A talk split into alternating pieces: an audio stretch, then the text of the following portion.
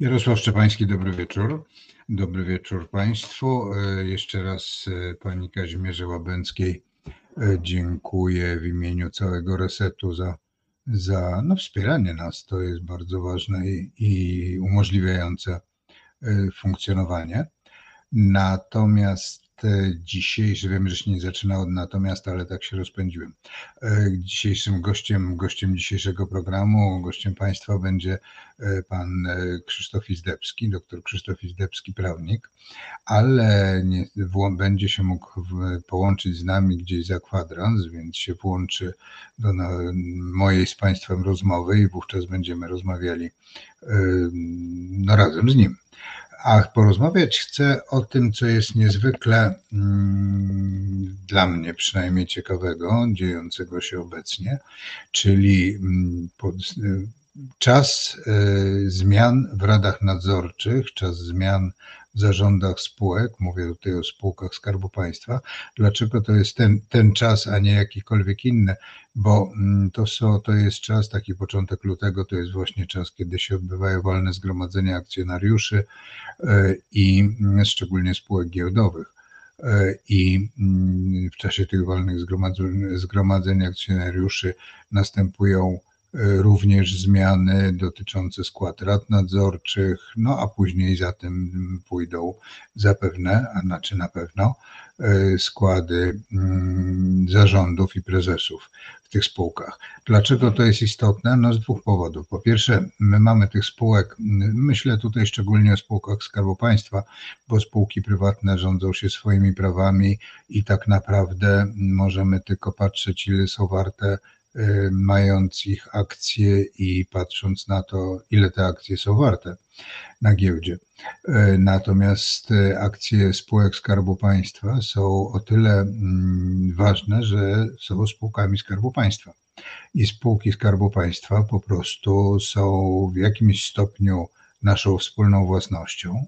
I nie tylko dlatego, że mm, te akcje są własnością Skarbu Państwa, tylko również dlatego, że bardzo wiele udziałów w tych spółkach jest y, udziałami różnych funduszy emerytalnych, które mm, no, pracują na y, dodatkowe mm, emerytalne fundusze, emerytury. I to, I to jest podstawa. No ale również istotne jest to, co się dzieje z tymi spółkami, jak one są zarządzane, jak są prowadzone, e, jak są, mm, jak funkcjonują. Wiemy, że mm, w czasie ostatnich wyborów parlamentarnych 15 października, jeszcze nim zwyciężyła koalicja 15 października, odbywało się referendum, którym e, ówczesna władza pisowska wymyśliła takie pytanie, czy jesteśmy za e, prywaty, za, za sprzedażą majątku narodowego. To było jakoś chyba inaczej sformułowane, ale nie ma to znaczenia w tym momencie.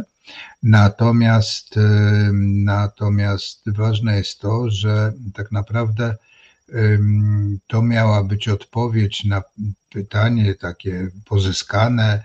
Chciano pozyskać informacje o tym, czy jesteśmy czy mm, społeczeństwo się zgadza na, na to, żeby spółki Skarbu Państwa były y, prywatyzowane, czy nie. Oczywiście to pytanie, które było sformułowane zupełnie mm, bezsensownie, y, na te, na, na, na, nie, nie mogło dać odpowiedzi na to, na faktyczne pytanie, z którym się chciano zwrócić do społeczeństwa. Y, istotne też jest to, że w ostatnich ośmiu latach no dobrze, w ostatnich 16 latach, bo część, część operacji odbywała się również wcześniej, ale mówię tu o ostatnich 8 latach. Wiele spółek, dużych spółek Skarbu Państwa, spółek giełdowych, tych największych, znaczących, najbardziej liczących się, jeśli chodzi o wpływy do budżetu państwa również, zaczęło się rozmnażać nie metodą in vitro, nie metodą przez pączkowanie, ale jakimiś innymi dziwnymi, tajemniczymi metodami, które sprawiały, iż tych spółek w tej chwili tak naprawdę z udziałem Skarbu Państwa mamy y, kilkaset. Więc to jest w ogóle ogromne, ogromne pole do obsadzania i tutaj tak zgodnie z pytaniem pana mm, Skrzypi Furtka, Skrzypi Furtki, te, mm, te, spółki są po to, żeby również y, te, do obsadzania również swoimi ludźmi. Czy, czy to może ulec zmianie? Bo podstawową sprawą w tej chwili jest to, żeby te takie rozległe włości spółkowo-skarbopaństwowe, żeby zostały ograniczone, y, ograniczone do minimum E, i żeby zaczęły się rządzić normalnymi prawami rynkowymi, a nie prawami mm, zarządzania e, gospodarką przez e, najlepiej przez partię polityczną, bo taka formuła funkcjonowała jak za PRL-u funkcjonowała w ciągu ostatnich ośmiu lat. To mm, pierwsza rzecz to jest konieczność ograniczenia tych, liczby tych spółek. Jak się ograniczy spółki albo się je sprywatyzuje, to wówczas one będą e, działały tak, żeby przynosić zyski, e, a wydawać mniej pieniędzy na swoje zarządy i rady nadzorcze. Jak to jest w rzeczywistości? No, wymaga to w tej chwili ogromnej pracy, e, mającej, znaczy najpierw przeprowadzenia ogromnego audytu wewnątrz tych wszystkich spółek, E, tych dużych i tych spółek e, córek i tych spółek e, wnuczek, wnu, wnucz, wnu, spółki to wnuczki powinny być, spółek wnuczek, bo to, to już mniej więcej do tego doszło. I mm, pytanie jest, czy one są, muszą być w ogóle, muszą funkcjonować, czy muszą funkcjonować w formie powiązania z tymi spółkami matkami czy babciami i na ile tu musi być zaangażowany rzeczywiście mm, Skarb Państwa, bo to jest zupełnie niepotrzebne. Skarb Państwa może w wielu przypadkach po prostu przez mm, pozbycie się części tych spółek, akcji tych spółek, po prostu wzbogacić E, zasoby mm, naszego budżetu państwowego, a jednocześnie umożliwić tym spółkom funkcjonowanie, właśnie takie normalniejsze funkcjonowanie na mm, zasadach e, po prostu e, rynkowych. To oczywiście dotyczy bardzo wielu spółek, szczególnie tych spółek mm, mniejszych z tego właśnie tego, tego nazwijmy to już wnuczkowego zaciągu. E, natomiast najciekawsze, rzecz jasna i najistotniejsze są te spółki najważniejsze, bo są to spółki bardzo często nie tylko mm, duże, nie tylko ogromne, ale są to spółki bardzo znaczące dla państwa, bo są to spółki które są spółkami no, nazywanymi często strategicznymi. To oczywiście jest e, w różnych krajach różnie traktowane, bo w Stanach Zjednoczonych e, produkcją wojskową zajmują się prywatne firmy, e, które są w jakiś sposób kontrolowane i nadzorowane przez odpowiednie służby i to wystarcza. Natomiast y, w Polsce mm, mamy bardzo wiele tych spółek państwo, firm państwowych, czy znaczy nie, nie, w sensie tym, że są własnością, są przedsiębiorstwami państwowymi, tylko spółkami Skarbu Państwa i Skarb Państwa ma w nich stosowną mm, większość.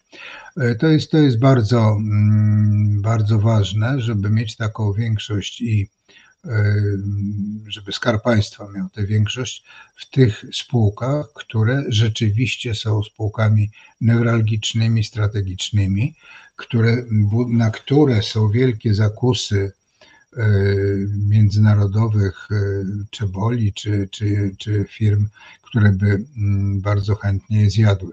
Tu najlepszym przykładem jest takiego, mm, no, takiej spółki, jest grupa Azoty, która powstała na początku 2002 y, dziesięciolecia XXI wieku. Ona powstała z wyniku połączenia w grupę firm chemicznych Kędzierzyna, Polic, Tarnowa I mm, ta spółka budziła ogromne zainteresowanie i ogromną chęć, przykładowo, grup wielkiej firmy chemicznej Akron, rosyjskiej firmy, firmy chemicznej, która, mm, która po prostu chciała e, kupić ile się dało, e, ile się dało, wówczas dało, by się kupić akcji poszczególnych czy poszczególnych przedsiębiorstw e, tych, z, tej, z tej grupy azoty, czy całościowych akcji całej grupy. Wtedy mm, rząd jeszcze Donalda Tuska, mówię tutaj o początku lat właśnie 2010-2014, y, zadziałał bardzo błyskawicznie, blokując pewne strategiczne spółki, uniemożliwiając y, sprzedaż akcji tych spółek firmom, które no, o które można było, y, które można było podejrzewać o to, że działałyby niezgodnie y, no, z interesem nie tylko grupy, nie tylko tych przedsiębiorstw, ale również y, no, z interesem Polski. Przypomnę, że w tym wypadku no to, o czym mówię, czyli o grupie Azoty, to jest firma, to są firmy chemiczne, które produkują nie tylko azot czy, czy nawozy sztuczne, głównie nawozy sztuczne, bo przy produkcji nawozów sztucznych powstają takie no, materiały uboczne, które są niezwykle ważne i to są, które służą do produkcji materiałów wybuchowych. W związku z czym to jest, to są wszystko przedsiębiorstwa bardzo newralgiczne i bardzo mm, będące w dużym zainteresowaniu, no właśnie szczególnie firm, tak jak było widać wówczas, firm rosyjskich. E, ta grupa Azoty jest dzisiaj grupą, e, rzeczywiście spółką e, Skarbu Państwa. Mm, jeszcze nie było w niej w tej chwili ani wolnego zgromadzenia akcjonariuszy, ani zmian w radach nadzorczych. To nastąpi zapewne w połowie lutego.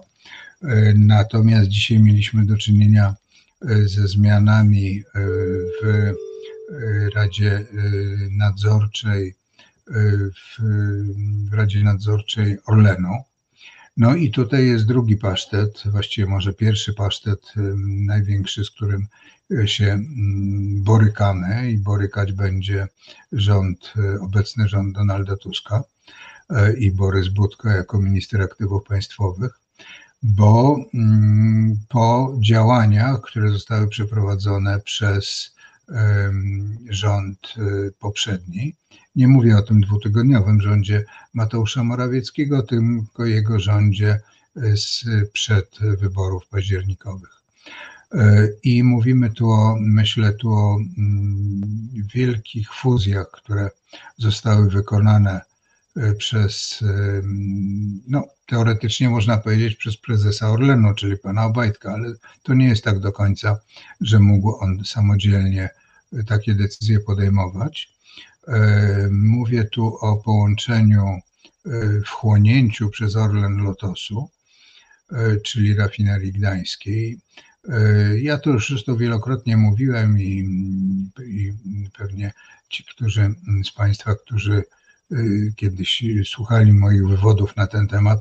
No, zaczęło się na pewno od tego, że po prostu y, władza pisowska starała na głowie, żeby odebrać Gdańskowi, bo rafineria Lotos to jest Gdańsk, to na terenie Gdańska, żeby odebrać ten przywilej mm, pozyskiwania pieniędzy z podatku płaconego tamże, no bo jeżeli Lotos został przejęty przez firmę, która działa zupełnie, ma siedzibę gdzie indziej, no to te podatki są płacone, płacone gdzie indziej. To jest taki drobiazg, o którym się mało mówiło, ale który jest niezwykle, niezwykle ważny. E, I, mm, I o tym też musimy pamiętać i patrzeć na to, e, słuchając mm, wszystkich rozważań na temat tego, co się działo z Orlenem, co się działo z Lotosem i o tym, jak zostało to mm, sprzedane, sprzedawane, i, i, czy w jaki sposób, co oczywiście czego mimo raportu Najwyższej Izby Kontroli my jeszcze tego dokładnie nie wiemy, ale mam nadzieję, że w momencie, kiedy już y, nowa Rada Nadzorcza, nowy zarząd y, Orlenu zacznie te dokumenty czytać, przeglądać, to wreszcie nie wiem, czy dowiemy, ale w każdym razie przynajmniej będzie jasne to, co się wydarzyło. Witam serdecznie Krzysztofa Izdebskiego. Dzień dobry, witam serdecznie Ciebie i e, widzów e, programu. Mówię tutaj sobie, opowiadałem przez ten kwadrans o różnych spółkach Skarbu Państwa i o radach nadzorczych i walnych zgromadzeniach, których to czas czas walnych zgromadzeń się zaczął, że można to tak eufemistycznie powiedzieć. Ale jak to po wyborach często, przepraszam. Jak to po wyborach często. E, I zwłaszcza, zwłaszcza w momencie w lutym, kiedy są walne zgromadzenia akcjonariuszy.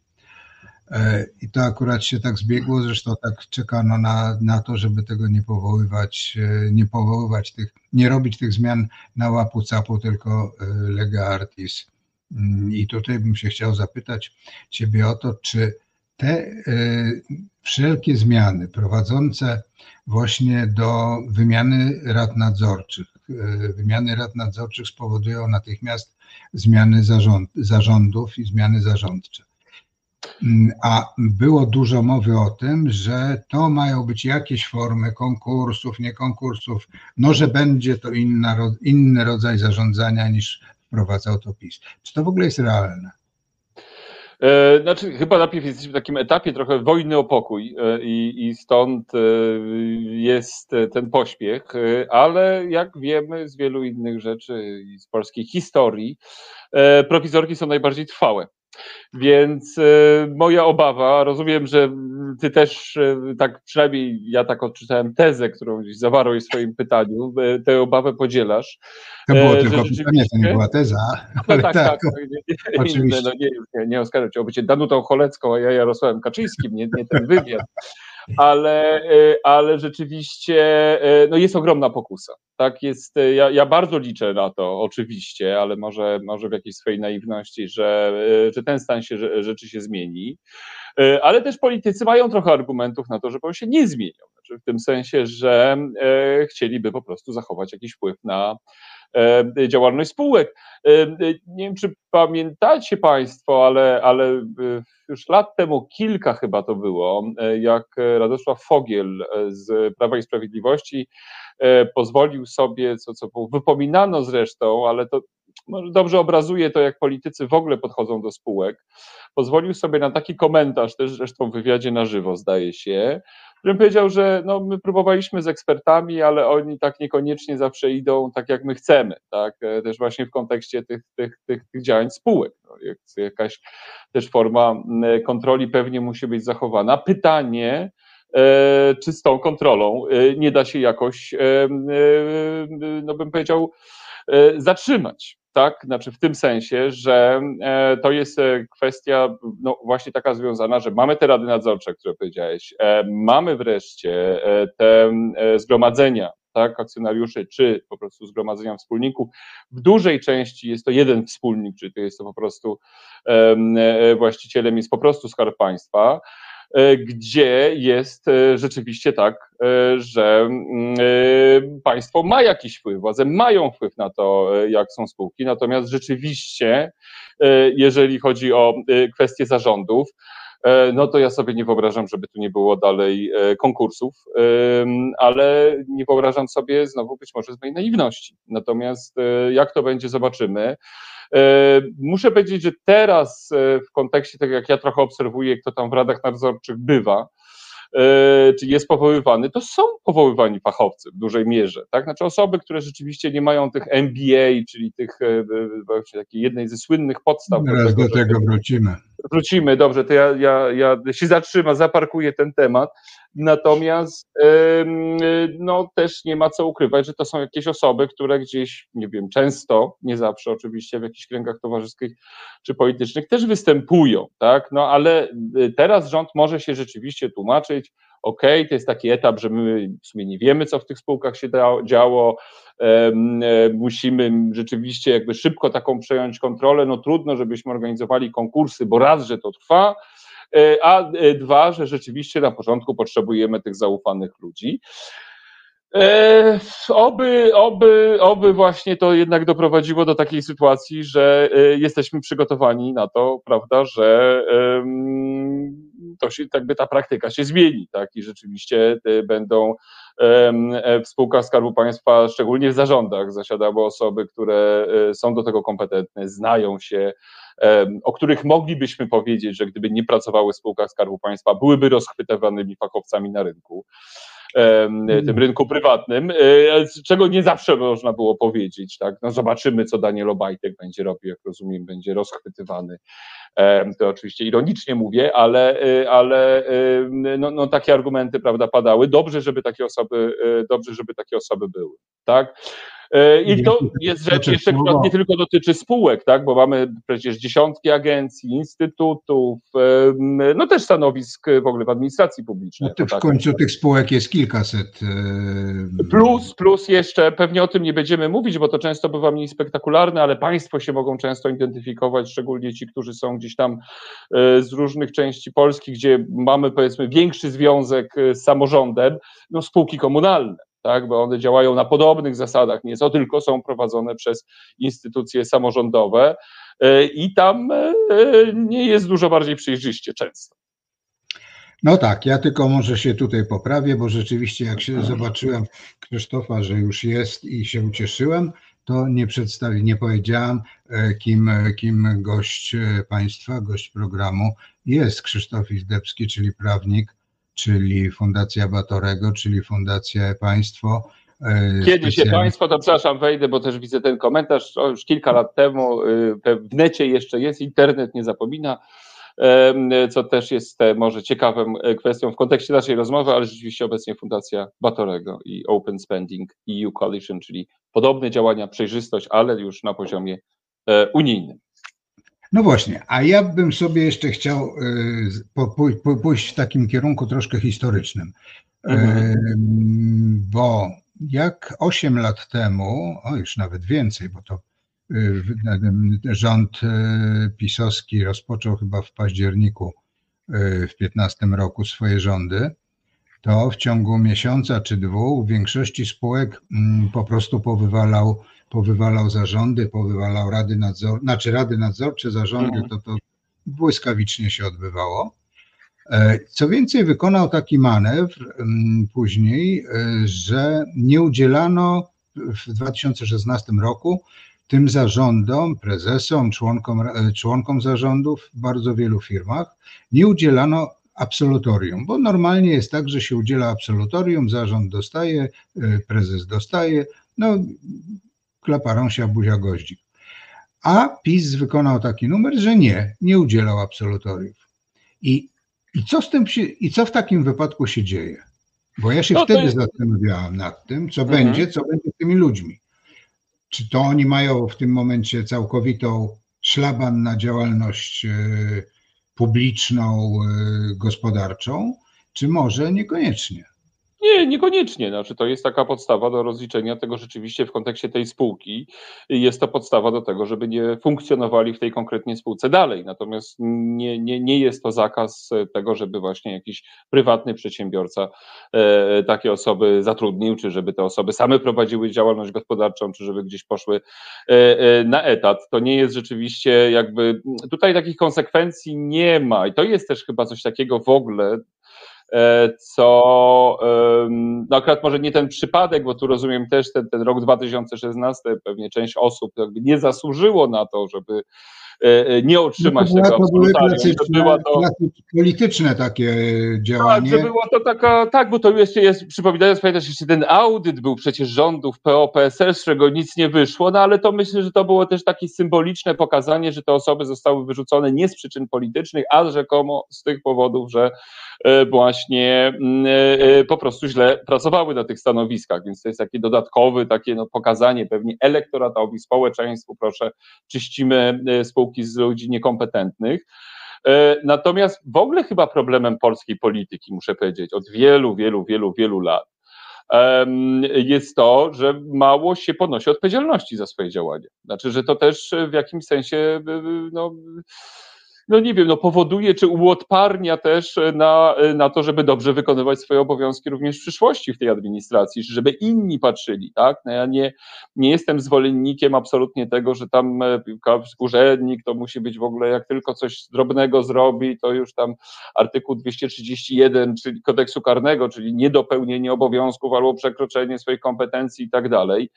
Natomiast no, jakaś forma odpowiedzialności przede wszystkim na tej górnej właśnie, tym, tym górnym poziomie politycznym powinna istnieć. Tymczasem my mamy w polityce e, osoby, Y, które są często w ogóle od wielu lat y, no, skompromitowane, tak? I, I, kompromitują się zresztą też potem na jakimś polu prywatnym czy biznesowym często, tak? Więc y, to, to mi się, że, że, że to powoduje chyba też w ogóle taki dysonans społeczny, no bo, bo, bo często no, pracując w jakichś takich powiedzmy normalnych pracach, no często wiemy, że za jakieś przewinienia poniesiemy konsekwencje, tak?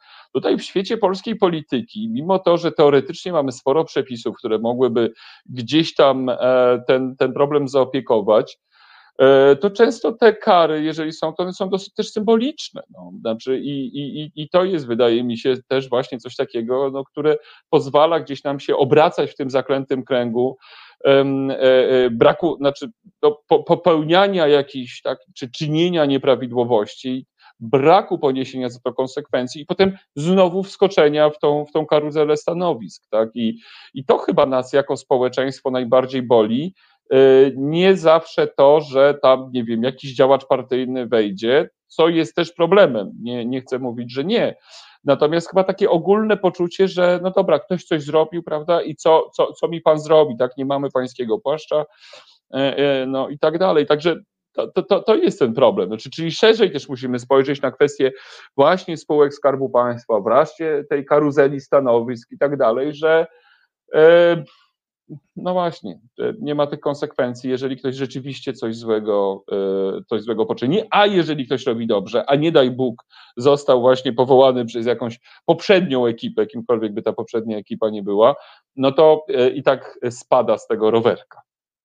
No tak, ale jeżeli spada normalnie, to spada jest spadnięty normalnie, a jeżeli spada bez absolutorium, to w tym momencie, czy ty byś uważał, że na przykład taki ktoś, kto nie ma absolutnie, kiedyś tam nie, w 2016 roku, czyli mhm. konkretnie przez już te pisowskie władze, e, e, ten poprzedni nie uzyskał absolutorium. Mhm. Czy on może starać się ubiegać się o stanowisko w spółce Skarbu Państwa mhm. dzisiaj? No, teoretycznie może, tu nie ma takiego zakazu, tak, prost, szczególnie po, po, po tylu latach, więc to, to, to jest taka możliwość jak najbardziej. To gdzieś powinno być oczywiście w ogóle, powiedzmy, w normalnych okolicznościach powinno być to też brane pod uwagę, tak, bo my możemy mieć takie założenie też, że te osoby oczywiście nie uzyskały absolutorium z przyczyn politycznych, no ale też w ogóle kwestia udzielenia absolutorium czemuś służy, tak, znaczy służy temu, pokazuje, że osoba no jakby powiedziałbym, no nie dorosła do tego stanowiska, tak, które miała.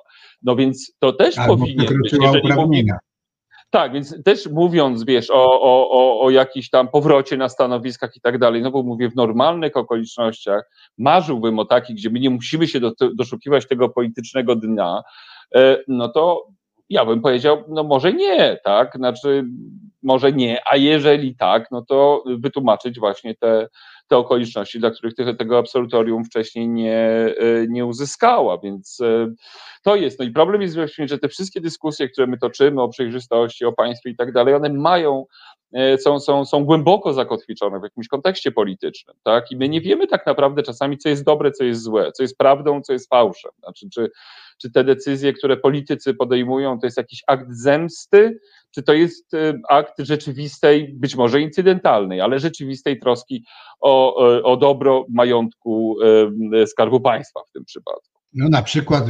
sprzedanie części Lotosu Saudi Aramco, bo może to było dobre, no tylko Y, nie wiem, nie jestem też specjalistą od rynku energetycznego, ale na przykład dużo mówi mi w tej całej historii to, że nawet służby, które przecież też bezpośrednio podlegały temu samemu rządowi, któremu podlegało bezpośrednio PKN Orlen, ostrzegały, że e, z wielu powodów e, jest to inwestycja, do której po prostu nie powinno dojść, tak? czy, czy, czy, czy, czy kontrakt, tak? do którego nie powinno, tak. mhm. nie, nie powinno dojść. No więc, no wiesz, no to, to, to, to, to też jest jakiś sygnał, tak? Znaczy, że dla, dla mnie, bo może właśnie w tym kontekście politycznym, że nawet umoczony bardzo politycznie ABW i w ogóle służby za czasów PiSu, no bez wątpienia e, w bardzo bliskim związku, będąc takim ramieniem, nie chcę powiedzieć zbrojnym, ale, e, ale, ale rzeczywiście ramieniem e, Prawa i Sprawiedliwości,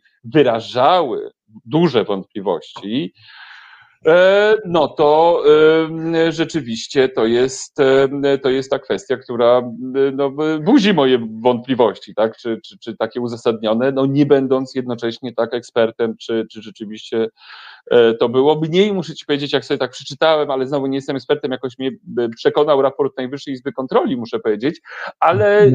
No, bo częściowy, jakoś... bo przecież tam nie było, oni nie mieli dostępu do wszystkich danych. Tak, tak, to, to jest w ogóle inna kwestia, tak? To też możemy sobie może o tym pomówić, znaczy kwestia też utrudniania w ogóle kontroli w spółkach Skarbu Państwa. To, to, to też jest dla mnie sygnał, no, pokazujący jakiś tam e, rozmiar nieprawidłowości, nie tylko prawdopodobnie w tym kontekście, ale wiemy też, że spółki Skarbu Państwa w ostatnich latach no, służyły za taką skarbonkę e, też dla środowisk bliskich Prawa i Sprawiedliwości w kontekście chociażby, nie wiem, znowu przypominając ten Orlen, czyli wykupienie i tak naprawdę zarżnięcie prasy regionalnej, e, bo, bo, bo ten obraz, który nam się teraz wyłania jest, jest niezwykle smutny, e, bo, bo media regionalne są bardzo potrzebne i, i mają swoje problemy.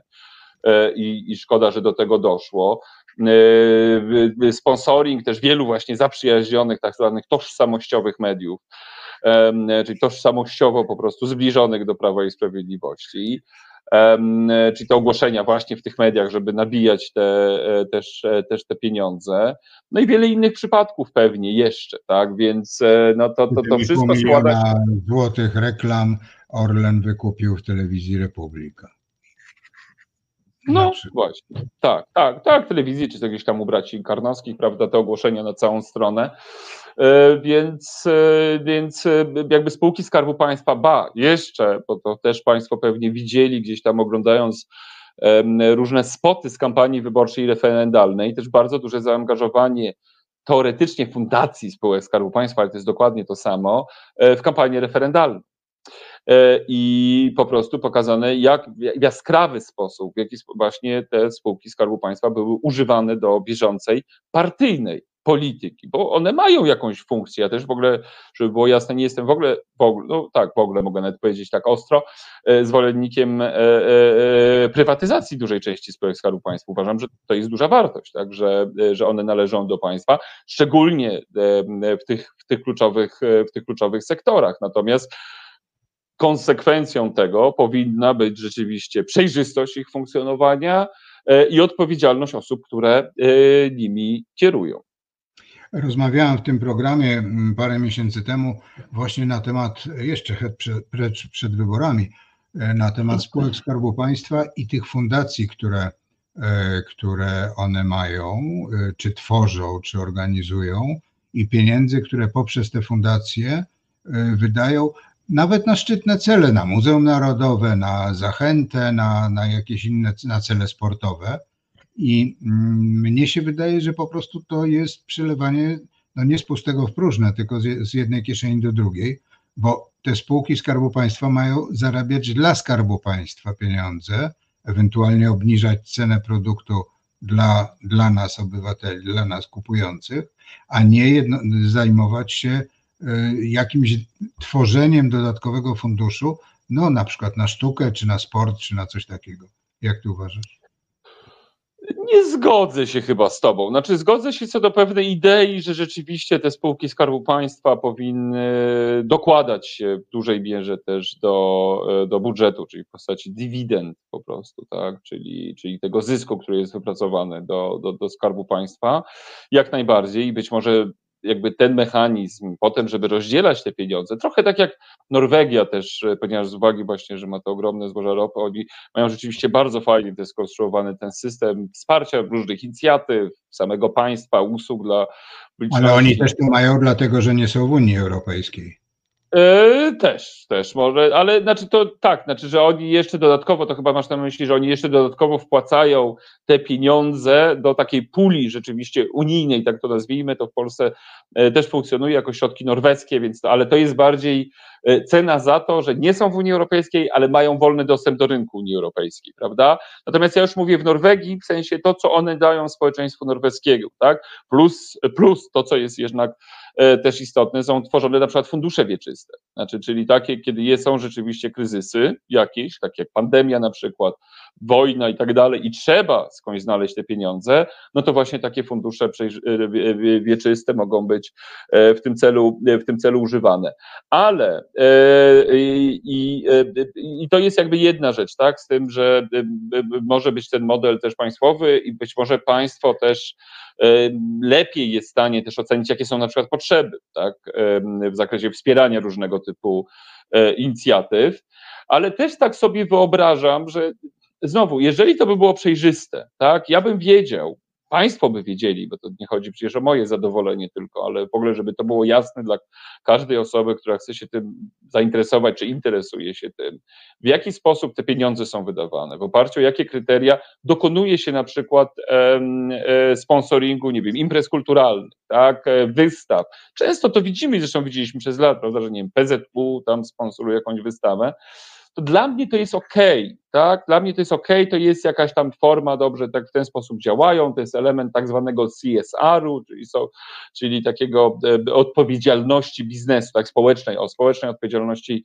e, biznesu, bo jednak to też jest biznes, musimy, no, oni też tak no tak. działają, trochę trzeba powiedzieć dla zysku, tak? No bo też jest, wiesz, bo to też budżet, jak są zyski, to czy wszystko wpłacać do Skarbu Państwa, czy jednak, no, trzeba myśleć też o inwestycjach. No, tak? I rozwijać firmę, tak? No bo w jakimś tam dłuższym interesie to jest oczywiście coś, co nam, e, co nam będzie, e, będzie też sprzyjało jako społeczeństwo, jako państwu, tak? Więc ja bym nie był taki zero-jedynkowy w tym sensie, że e, żeby w ogóle pozbawić ich tej możliwości, bo, bo one często na przykład są spółki Skarbu Państwa, które są związane też z jakimś regionem, tak? I przelewać, już tak mówię, jakby upraszczając, przelewać te pieniądze do Warszawy, tak? Żeby on gdzieś tam w okolicy, kiedy jest największe oddziaływanie, na przykład KGHM weźmy, tak? Która ma rzeczywiście no, e, też dosyć wpływające też na, na otoczenie, też na środowisko e, działalność, to żeby potem Warszawa oddawała to mieszkańcom właśnie okolic Lubina, no to tro, trochę może bez sensu, tak? Natomiast znowu, żeby to była jasna polityka, ogłaszane informacje, dla kogo, jak się można starać o te środki, na jakie inicjatywy, to by myślę, że też dużo zmieniło e, w naszym odbiorze tej sprawy, bo na razie rzeczywiście mamy taką wizję, że kontrolerzy NIK-u nie są wpuszczani, e, te informacje nie są podawane, nie wiemy na jakich zasadach, w sensie informacje nie są podawane, kto ile dostał i za co, nie wiemy na jakich zasadach można otrzymać te pieniądze trochę i trochę nie wiemy, kto o tym decyduje. Tak? I to są takie niezbędne elementy, no, które muszą zaistnieć, żebyśmy mówili o przejrzystości funkcjonowania spółek Skarbu Państwa, czy szerzej państwa, bo one też są jakimś przedłużeniem działalności państwa jednak. Tu jest pytanie, które jest pytaniem do ciebie. Mm, mhm. Prawa, prawo ustalające wkład, wkład władzy w spółkach, układ, układ, układ władzy w tak, spółkach tak, jest zbliżony w swojej strukturze do prawa o stowarzyszeniach. Hmm. No, ja można tak powiedzieć, tak? Znaczy w dużej mierze w spółkach Skarbu Państwa ten schemat też nieco upraszczając wygląda tak, że jest państwo, które jest tym właścicielem, ono decyduje, kto będzie w tej Radzie Nadzorczej, Rada Nadzorcza wybiera na zarząd.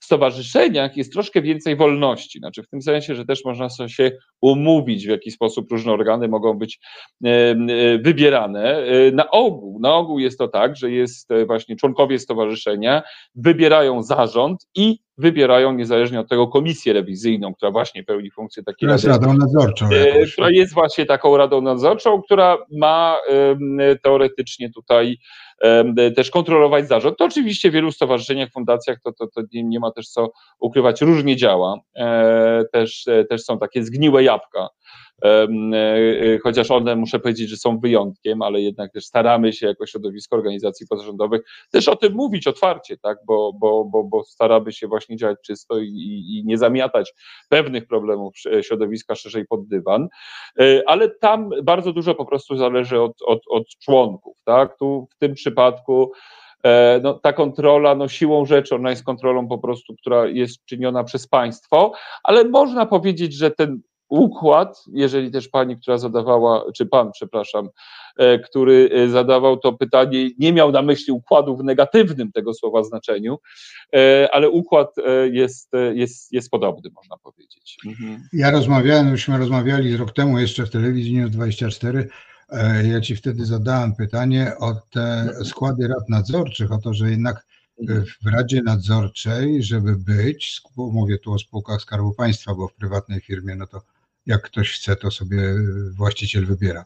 Ale e, w spółkach Skarbu Państwa trzeba spełniać określone kryteria mieć na przykład tak. doktorat, być prawnikiem, być e, jakimś specjalistą, zdać egzamin państwowy. Było coś takiego jak egzamin mhm. na członka rad nadzorczych. Pamiętam jak e, mój mm, zacny kolega, nieżyjący już Tadeusz Jedynak, górnik z Jastrzębia, siedział i studiował rzeczywiście i ten mhm. egzamin zdawał i bardzo się cieszył z tego, że zdał. A w tej chwili, a później, do, później zdaje się, dołączono do tego słynne MBA.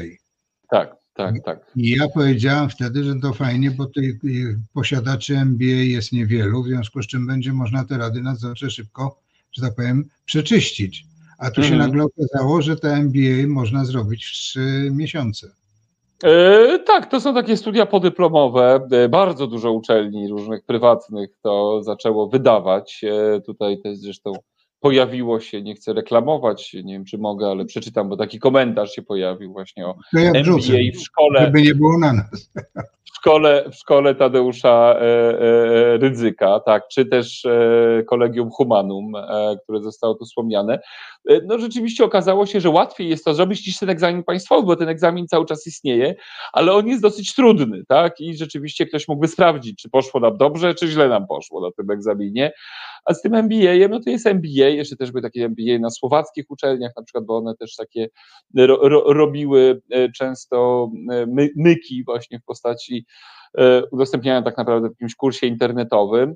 E, no więc w tym sensie to się, ten papier się zdezawałował, tak? Znaczy, że, e, że to nie jest jednak coś, co może kiedyś rzeczywiście w tych latach 90. pamiętam, no tak, ktoś miał MBA, a to wow, tak, to było rzeczywiście coś znaczyło, szczególnie, że jeszcze nie wszystkie polskie uczelnie w ogóle, pamiętam nawet jak szkoła główna handlowa w tym momencie, czyli to najważniejsza w jakimś sensie, czy jedna z ważniejszych uczelni ekonomicznych w Polsce zaczęła w ogóle program MBA, to się w ogóle wydawało, że dołączamy gdzieś do Europy.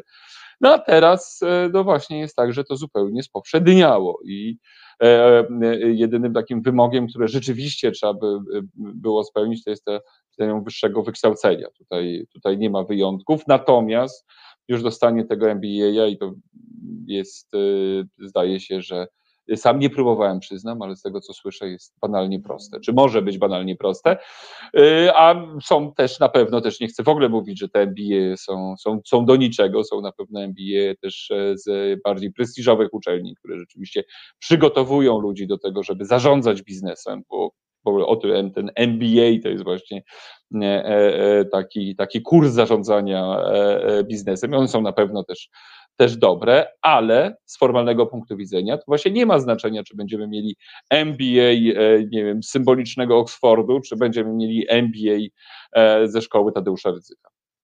No tak, ale zawsze mi się zdawało, że mieć, e, przepraszam, magistra po Uniwersytecie Warszawskim jest lepiej niż mm, doktorat po jakiejś innej uczelni, nie będę tu wymieniał, żeby już nie robić komuś przykrości, ale to może takie mm, niepotrzebne porównanie. E, wydaje, jeszcze, a, chcia, chciałem, żebyśmy jeszcze chwilę porozmawiali o czymś, co, e, co nurtuje, czyli o konkursach. Konkursy, mhm. o konkursach było wiele mowy i Tusk mówił o konkursach i nie tylko, nie tylko Tusk. E, w kampanii wyborczej, o konkursach na członków zarządów czy na prezesów spółek. O, o, o tych konkursach się wiele mówiło, ale też konkursy mają to do siebie, że one są, zwłaszcza w takich sytuacjach, pra, praktycznie publicznymi sprawdzianami. Bo i wiele osób sądzę, albo zastanawiam się nad tym, czy wielu e, menadżerów, prawdziwych menadżerów, po prostu nie będzie chciało przystępować do takich konkursów, bo mm, nie będzie sobie chciało psuć e, życiorysu niezwyciężonym konkursem, niewygranym. Mhm. No, to jest, e, wiesz co, bardzo ciekawa rzecz, bo yy, myślę, że są, są, są dwie, dwie płaszczyzny, czy dwa, dwa, dwa poziomy.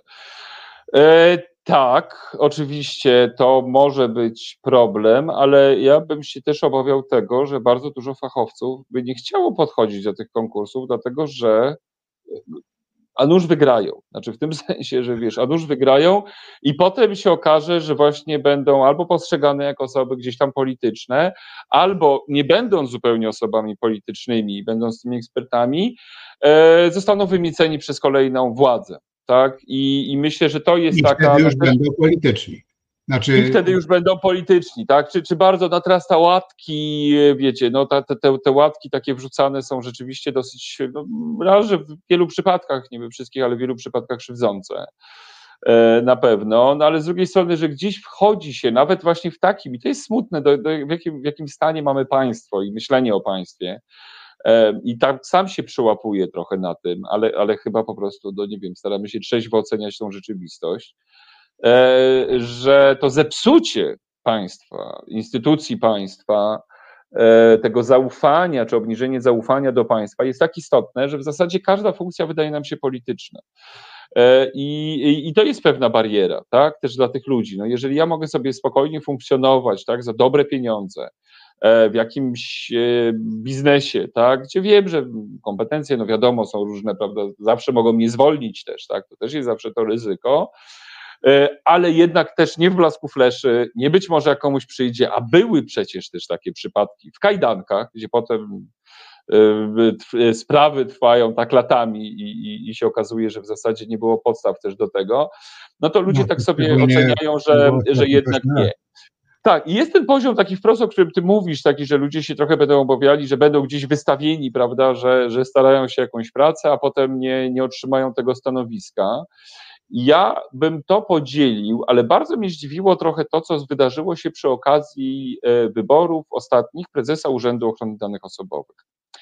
Tam e, do tej pory w zasadzie, można powiedzieć, przy okazji wyboru większości stanowisk, które były stanowiskami właśnie takimi wybieralnymi przez Sejm, E, z reguły siły rządzące czy nierządzące siły polityczne dogadywały się co do jednego kandydata, powiedzmy jednego kandydata zgłasza opozycja, wiedząc o tym, że on nie wygra, no ale też to, to jakby była fair gra, tak? Ta osoba też wiedziała, że nie wygra, natomiast, e, natomiast też z jakichś przyczyn no, chciała się pokazać, prawda, też w dobrym tego słowa znaczeniu, ale to były jasne reguły gry. A strona rządowa kogoś tam wystawiała, prawda, i wiadomo było, że ta osoba wygra, cokolwiek by się nie zdarzyło, ponieważ decyduje.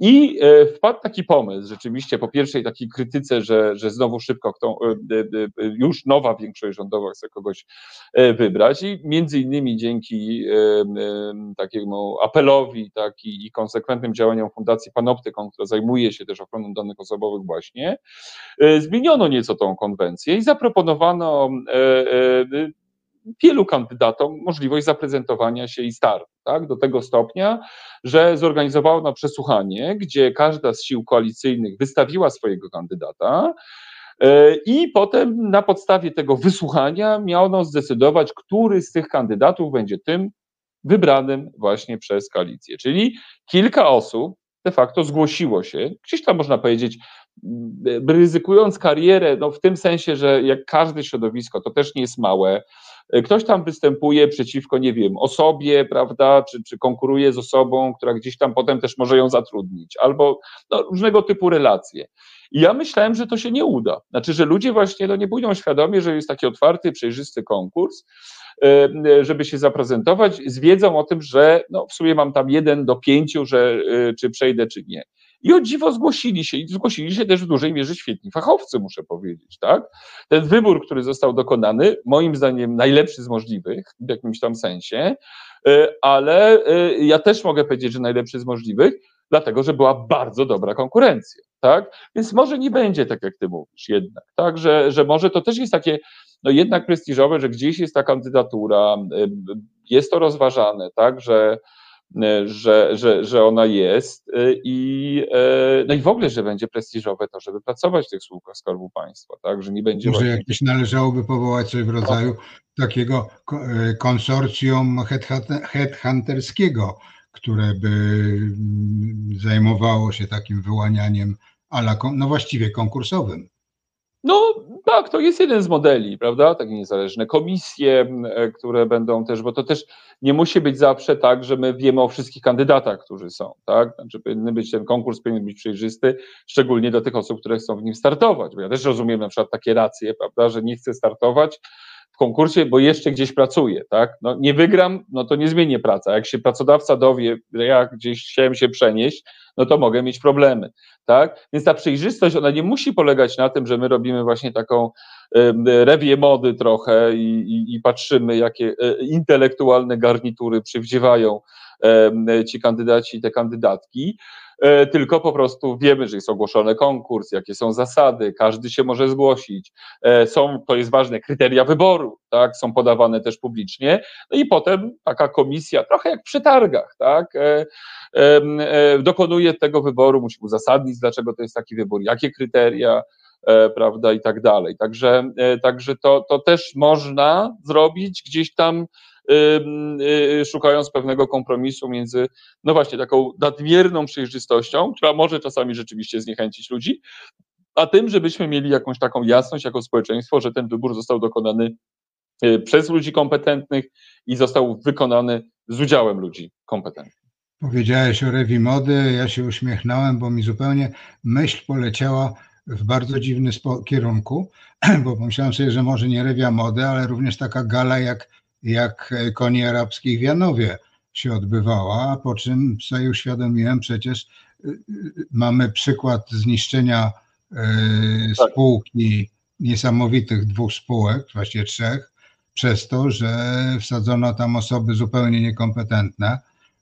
I, a teraz, żeby odzyskać te, które mogłyby być kompetentne, no to trzeba konkurować znowu z Arabią Saudyjską akurat w tym wypadku, mm -hmm. bo tam ci kupili. Tutaj jest pytanie też jeszcze do ciebie i to też pana tegoż samego, tej samej osoby, bo to nigdy nie wiadomo, mm -hmm. czy pan, czy, o opracowania naukowe, doświadczenia zagraniczne, z których można by korzystać, mogliby korzystać politycy w zreformowaniu tego systemu stworzonego, patologicznego systemu w spółkach Skarbu Państwa stworzonego przez PiS. E, no, e, tych, tych, modeli jest sporo całkiem, tak? To są udane. Ja często, bo, bo, lubię, bo to, to też jest zaskakujące, ale to też wynika z pewnych lat doświadczeń, e, które ten kraj ma, czyli takie rozwiązanie włoskie. Tak? W ogóle to jest kraj, który naprawdę akurat mam przyjemność dosyć dużo z urzędnikami tamtejszego biura antykorupcyjnego współpracować też. Jestem pod ogromnym no, chyba doświadczenie to oni mają spore. No właśnie, tak, mają, mają doświadczenie, ale też rozumiem trochę przenosząc na nasz poligon doświadczalny polski też, bo pytanie też było właśnie po zreformowaniu systemu, który stworzył PiS. E, więc e, to są rzeczywiście jakieś takie rozwiązania, no właśnie takie przejrzyste, o tej niezależnej komisji, o jasnych kryteriach, i o tym, że ludziom rzeczywiście, że to jest prestiżowe w ogóle, żeby w tych konkursach startować, tak? I, i, i, i ta konkurencja rzeczywiście jest mocna. Ale też mamy takie, już jeżeli chodzi o modele, no, ponieważ ten problem narasta od lat, to też żeby było jasne, to muszę być e, symetrystą.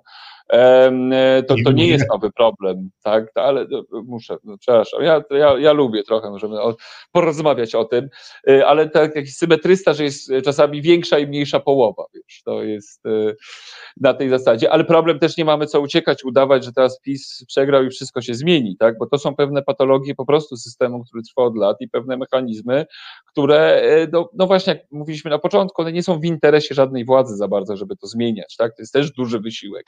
Niemniej, niemniej, dużo jest takich pomysłów i modeli. Też Fundacja Batorego przygotowała już wiele lat temu też takie propozycje właśnie w zakresie wyboru, wyboru członków zarządów i rad nadzorczych spółek Skarbu Państwa. Jest wiele środowisk, które gdzieś tam to przygotowują. Proszę też pamiętać o tym, bo my rzeczywiście mówimy o tych spółkach Skarbu Państwa. Problemem jest też tak, tak e, służba cywilna, e, czyli, e, czyli wybór korpusu urzędników. Tak?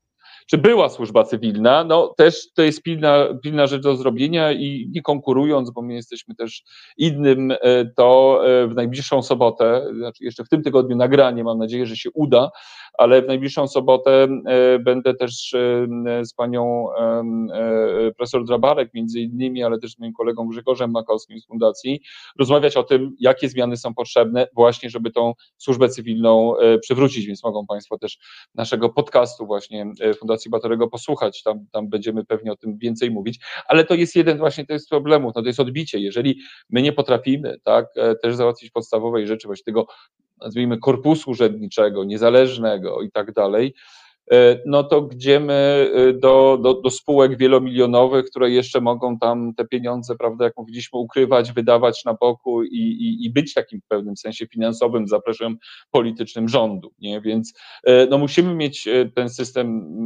jakby systemowe zmiany. Słyszę argumenty, dajmy rządowi rządzić, bo tam jest zagrożenie, że PiS wróci i tak dalej.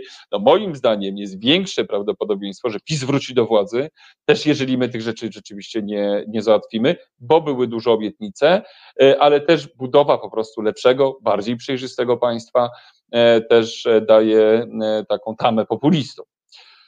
Ja tu się, znaczy na to, że takiego właśnie, że dajmy niech sobie rządzą, to okej, okay, bo dopiero dwa miesiące, jutro będą osiem tygodni będzie tego rządu.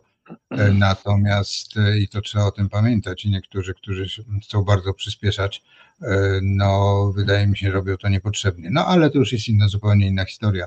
E, natomiast e, nie chodzi mi o taki symetryzm, że ten rząd zrobi to samo, co robił poprzedni, tylko mm, o metody. No właśnie, te, te, na ile można zmienić sytuację Trybunału Konstytucyjnego, metodami, mm, no właśnie, tutaj pytanie, czy metodami konstytucyjnymi, czy, czy, czy niekonstytucyjnymi. No ale to jest mm, też zupełnie, zupełnie inne tematy. Tak, ja z wielką chęcią też o tym, o tym porozmawiam, bo, bo, bo, bo też się tym interesuje i zajmuję w kontekście Trybunału Konstytucyjnego, czy w ogóle kwestii przywracania praworządności. Jest to rzeczywiście kwestia e, skomplikowana e, i na tym na pewno wisi, czy nad tym na pewno wisi też weto e, Andrzeja Dudy, e, bo, bo, bo de facto było. Gdyby to było ustawowo.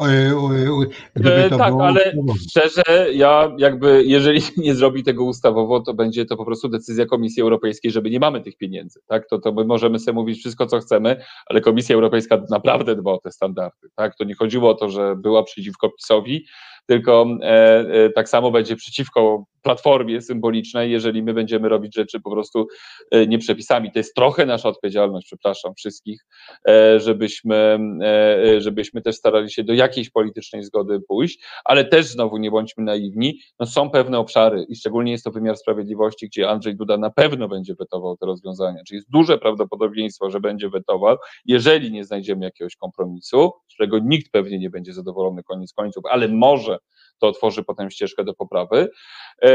Ale jeżeli na przykład byśmy chcieli zmienić zasady wyłaniania osób zasiadających w spółkach Skarbu Państwa na sposób bardziej przejrzysty, no Andrzej Duda będzie miał duży problem, nawet taki wizerunkowy, żeby powiedzieć, że on jest przeciwko temu. Tak? No, bo no ale będzie miał to wyjście, że, że yy trzech posłów nie bierało udziału w głosowaniu. E, tak, ale nie może, znaczy to, to jest też odrębna dyskusja, moim zdaniem popełnił duży błąd e, z tym, bo e, został zakładnikiem e, też tego postulatu i tak naprawdę nie ma wyjścia dobrego z tej sytuacji, w którą sam się teraz tą deklaracją wpakował. No to jest deklaracja, która go. mm, No właśnie, pytanie do wczoraj zadano, Kazimierz Wojcicki mi zadał. Nie, Jacek Zimnik mi zadał to pytanie. Co, co go może to kosztować? No bo przecież prezydentury następnej nie, nie może uzyskać, czyli, czyli nie ma żadnego bata nad yy, yy, Nie ma prawdopodobnie, myślę, ale to też e, właśnie domysły tylko i wyłącznie. No jedyne o co może powalczyć, to gdzieś jakoś e, większą pozycję w Prawie i Sprawiedliwości po odejściu Jarosława Kaczyńskiego. Na pewno nie wspólnie, znając ich, ich, ich relacje i, i, i antypatie. E, Natomiast no, wydaje się, że on stara się właśnie jakoś też te gesty z Kamińskim, Wąsikiem, prawda, że stara się prezentować jako taka osoba, e, która no, konsoliduje w ogóle to podzielone jednak wewnętrznie bardzo środowisko. My, my nie zawsze to widzimy, ale tam te podziały są bardzo, bardzo ostre. E, I to jest chyba jedna, jedyna jego kariera, tak?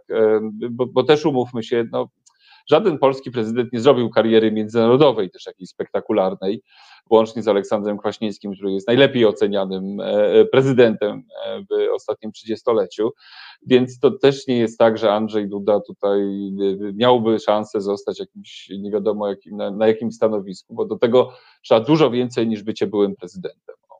No, Lech Wałęsa zrobił karierę międzynarodową przed tym, nim został. No to prezydentem. właśnie dlatego Wałęsy też nie przywołałem, no bo to jest zupełnie inna historia, prawda? Więc on najpierw zrobił karierę międzynarodową, no potem też trochę jeździł, też jest zresztą inaczej odbierany u nas w Polsce. E, e, I tu już nie mówię o jakichś tam kwestiach e, agenturalnych, tylko no, kwestii tego, jaki był chociażby prezydentem, inaczej w dalszym ciągu jest odbierany, szczególnie u nas w Europie, z ogromnym szacunkiem, jednak też z pamięcią właśnie o tym, co się działo przed prezydenturą. Tak, ale to jest rzeczywiście w jakimś sensie no, wyjątkowa, może nie na tamte czasy, bo przecież Václav Havel u naszych południowych sąsiadów też, ale, ale dosyć jednak wyjątkowa historia. No tak, i to ona jest zupełnie niepowtarzalna, acz e, jak sobie przypominam e, wybory z 90 roku i konkurencję ze Stanisławem Tymińskim, to mi się po prostu mimo wszystko zawsze zimno robi e, na plecach. No ale, ale taka była rzeczywistość. Tutaj nas jeszcze na, na pocieszenie, na